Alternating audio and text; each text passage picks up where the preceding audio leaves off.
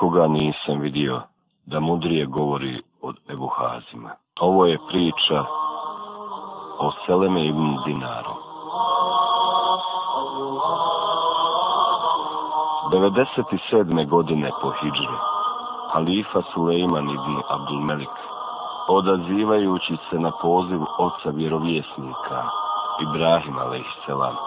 u jednoj od kravana sa kamilama na svome putu prema svetim mjestima žurio je iz Emevijske prijestolnice Damaska da što prije stigne u Medinu Munebberu. U sebi je osjećao neodoljivu želju da što prije dođe u Medinu, da klanja u Revdimu Taheri i nazove selam Allahu poslaniku Muhammedu sallallahu alaihi veselem. Halifina povorka puna je vrsnih učača Kur'ana, poznavalaca hadisa i fikha, uleme, namjesnika i vojnih zapovjednika. Kada su stigli i ocijeli u Medini Muneveri, ugledni i poznati ljudi počeli su dolaziti da se poselame sa halifom i izraze mu dobrodošlicu. Međutim, među onima koji su došli da se pozdrave sa halifom i izraze mu dobrodošlicu, nije bilo Seleme iz Dinara, medinskog kadije, alima i imama koji je među svijetom uživao veliko povjerenje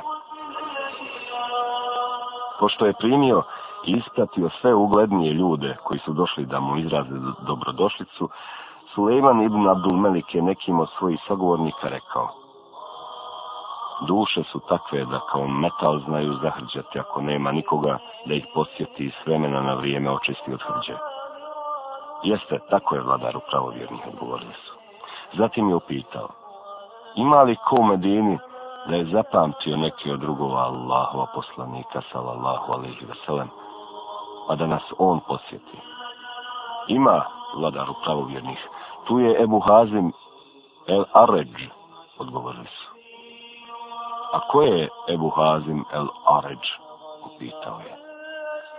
Seleme ibn Dinar, najpoznatiji alim imam u Medini, jedan od tabina koji je zapamtio veliki broj čestiti drugova Allahova poslanika, sallallahu alaihi veselem, odgovorili su. Onda otiđite, lijepo ga zamolite da dođe, naredio je Suleiman, pa su otišli i pozvali ga kao što im je on naredio. Pošto ga je potom posjetio i izrazio mu svoju dobrodošlicu, Sulejman mu je pokazao da pored njega sjedne i upitao ga. Ebu Hazime, zašto si se to od nas otuđio? Kako to misliš otuđio? Misliš šta od mene o tebi ružno čuo vladaru pravovjernih? Opitao je Ebu Hazim. Nisam, samo svi ugledni ljudi su došli da sa, sa mnom pozdrave i izrazim dobrodošlicu, a ti nisi, odgovorio je Sulejman. Na to je Ebu Hazim rekao. Nema otuđenja bez prethodnog poznavanja. Kako sam se onda od tebe mogao tuđiti, kad se sve do danas nismo poznavali? Na to je halifa prisutnima rekao. Šejih je u pravu. Halifa je pogriješio što mu je prigovorio.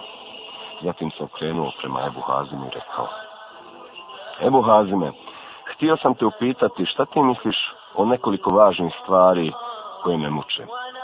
Reci, da vidimo o čemu se radi, Allah ti pomogao vladaru pravovjernih odgovorio Ebu Hazime, prvo mi odgovori, zašto toliko mrzimo smrt?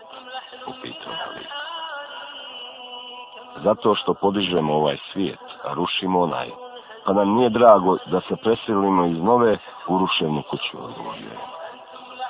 Dobro su, rekao je a mu pita. Ebu Hazime, kako bih mogao znati šta nas sutra pred Allahom čeka? odmjeri svoja dijela prema Allahove knjizi, pa ćeš vidjeti odgovorio A gdje ću to u Allahove knjizi naći, upitao je. Naći ćeš to u riječima uzvišenog. Čestiti će sigurno u džennet, a griješnici sigurno u džehennem. Odgovorio je. A gdje je onda Allahova milost, upitao je halifa. Allahova milost je blizu onih koji dobra djela čine, odgovorio je. A kako bih mogao znati kako će sutra pred uzvišenim Allahom naš povratak izgledati? Upitao je halifa. Što se tiče onog koje je dobra djela činio, povratak Allahu će mu biti draži nego svojoj čeljadi nakon dugog osustva.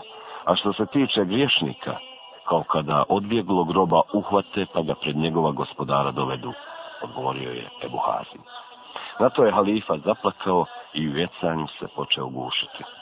Zatim je pitao, a kako da čestiti postanemo?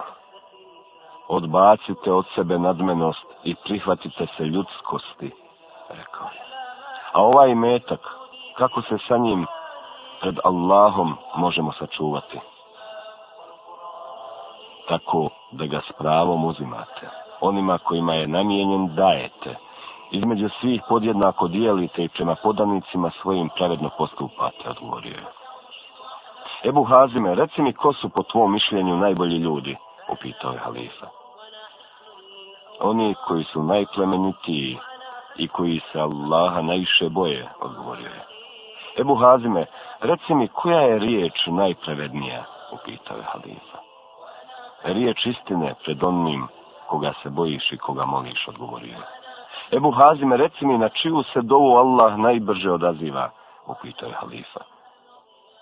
Na dovu dobročinitelja upućenu za druge dobročinitelje, odgovorio je. A koja je sadaka najbolja, upitao je halifa.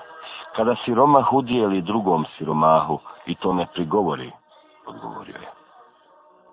A ko je najoštromniji i najpametniji čovjek, upitao je halifa.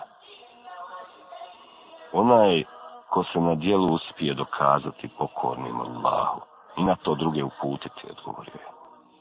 Ako je najgluplji čovjek, upitao je halifa, onaj ko se za prohtjevima svoga zaludjelog druga povede, pa tako svoj ahiret žrtvuje za tuđi dunjaluk, odgovorio je. Ebu Hazime, kako bi bilo da pođeš sa nama?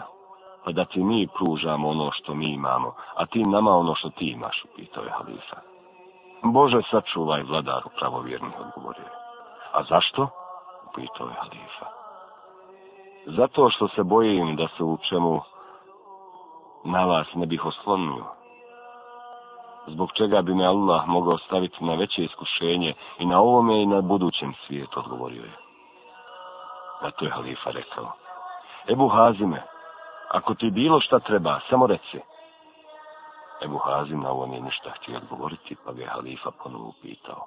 Ebu Hazime, ako ti bilo šta treba, samo reci, izaći ćemo ti u susret. Ma o čemu se radilo?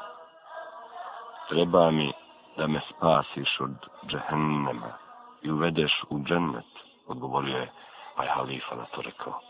E to, Ebu Hazime, nije u mojoj moći. Vladaru pravovjernih, onda ja više nemam nikakve druge potrebe, odgovorio je. Potom je halifa zamolio. Ebu Hazime, uputi Allahu kakvu hajr dovu za mene. Pa izgovorio. Bože, ako ti je tvoj rob Suleiman iskreni prijatelj, podaj mu dobro i na ovome i na onome svijetu.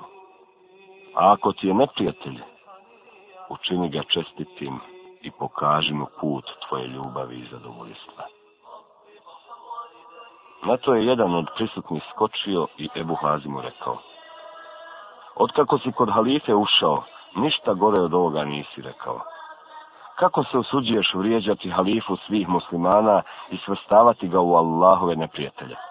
Naprotiv, ružno li je ono što si ti rekao? Odgovorio mu je Ebu Hazim dodao.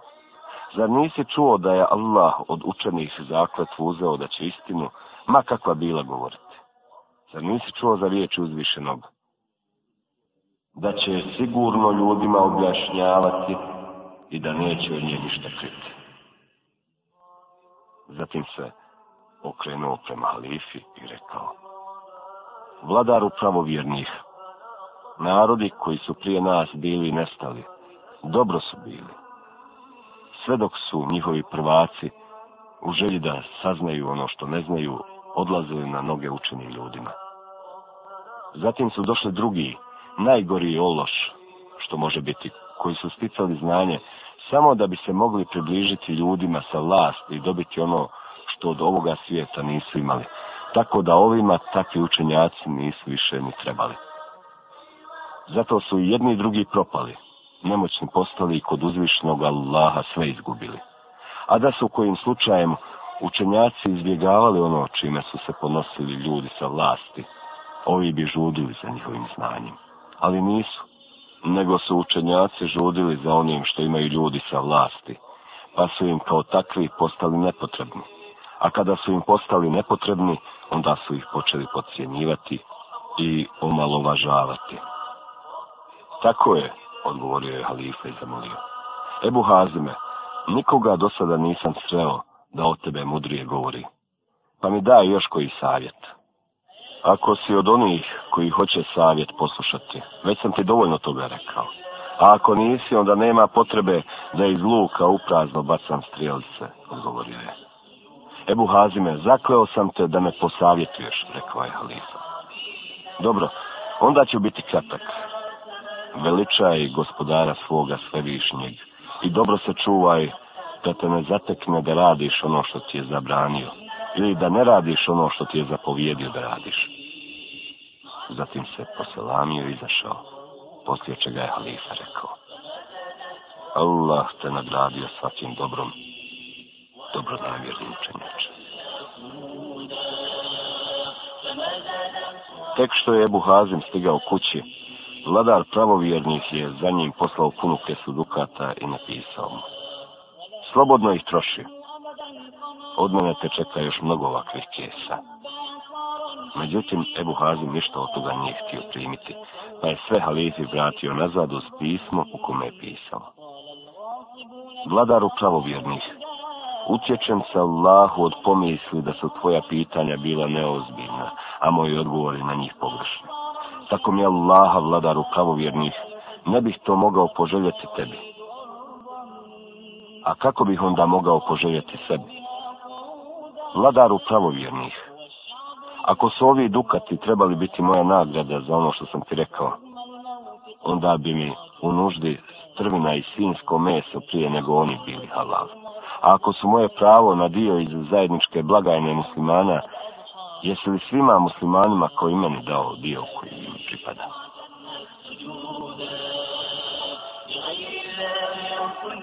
Kuća Seleme ibn Dinara uvijek je bila bistri i čisti zdenac za sve one koji su tražili znanje i za čestitošću. U tome nije pravio nikakve razlike između svojih prijatelja i učenika.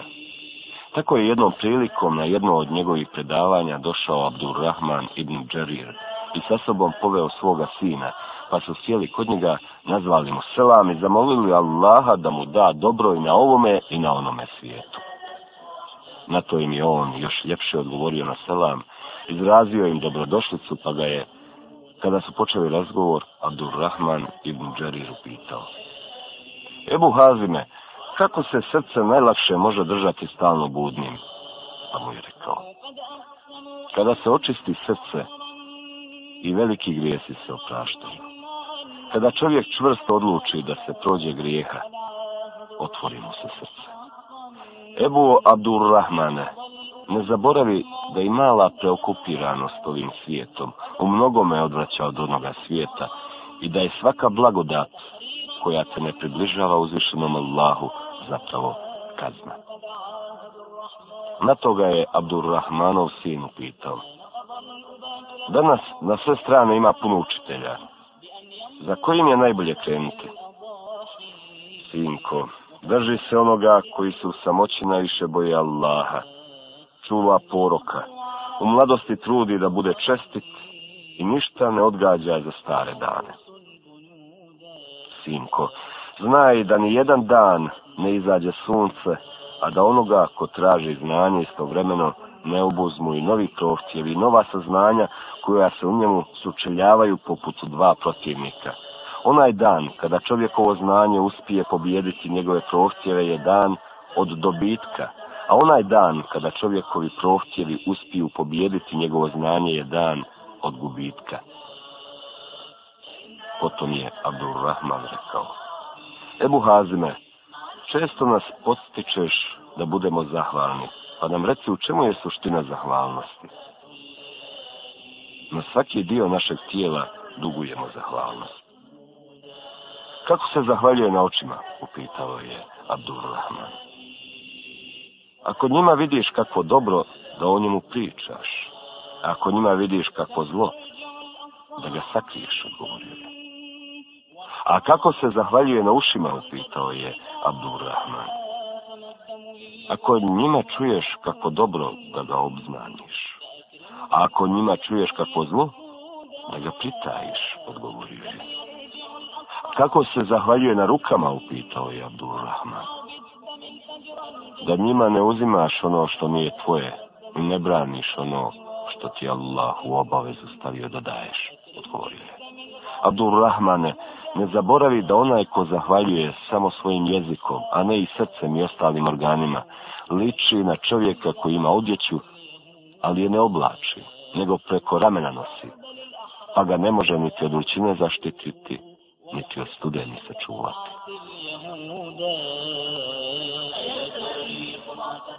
Jedne godine Seleme ibn Dinar, kao borac na Allahu putu, zaputio se sa muslimanskom vojskom prema Bizantiji.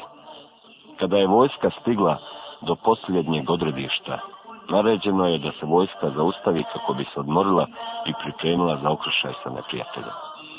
Zapovjednik vojske bio je jedan od emevijskih emira, koji je po Ebu Hazima poslao kurire sa naređenjem tamo Zapovjednik ti je naredio da odeš do njega da sa s tobom nešto porazgovara. Zato je Buhazim uzeo i napisao pismo zapovjedniku kome je stajalo. Zapovjedniče, zapamtio sam mnoge alime. Ne znam da je jedan išao na noge čarima. Ne mogu povjerovati da hoćeš od mene napraviti prvoga koji će tu učiniti. Zato mi ako ti šta trebam dođi sam na noge. Neka je sa tobom i tvojima mir. Kada je pročitao pismo, zapovjednik je ustao i lično Ebu Hazimu došao na noge, pa ga je sa poštovanjem pozdravio i rekao mu. Ebu Hazime, pročitao sam ono što si mi napisao, pa si u mojim očima postao još veći i poštovaniji. Podsjeti nas ako smo šta zaboravili i posavjetuj, Allah te nagradio. Na ga je Ebu Hazim počeo podsjećati i savjetovati. Tom prilikom mu je između ostalog rekao, dobro razmisli šta bi sve volio imati na onome svijetu, pa se zato bori na ovome svijetu. Dobro razmisli šta sve ne bi volio imati na onome svijetu, pa gledaj da to ne zaslužiš na ovome svijetu. Zapovjedniče, znaj da će se ako ovdje kod tebe bude prolazila neistina, oko tebe sa svih strana okupiti dvoličnjaci i pokvarenjaci ako bude prolazila istina, čestiti ljudi u želji da pomognu oni tebi, a ne ti njima. Zato za sebe odaberi ono što ti od to dvoje draže. Kada je bio na samrtničkoj postelji, upitan od svojih prijatelja kako se osjeća, Ebu Hazim je govorio. Kada bismo se na ovom svijetu uspjeli sačuvati zla za koje znamo. Ne bismo se mogli sačuvati onoga za koje ne znamo. Zatim je izgovorio riječ uzvišenog. One koji su vjerovali i dobra djela činili milostivi sigurno voljenim činiti. I nastavio ih ponavljati sve dok se nije se dušom rastao.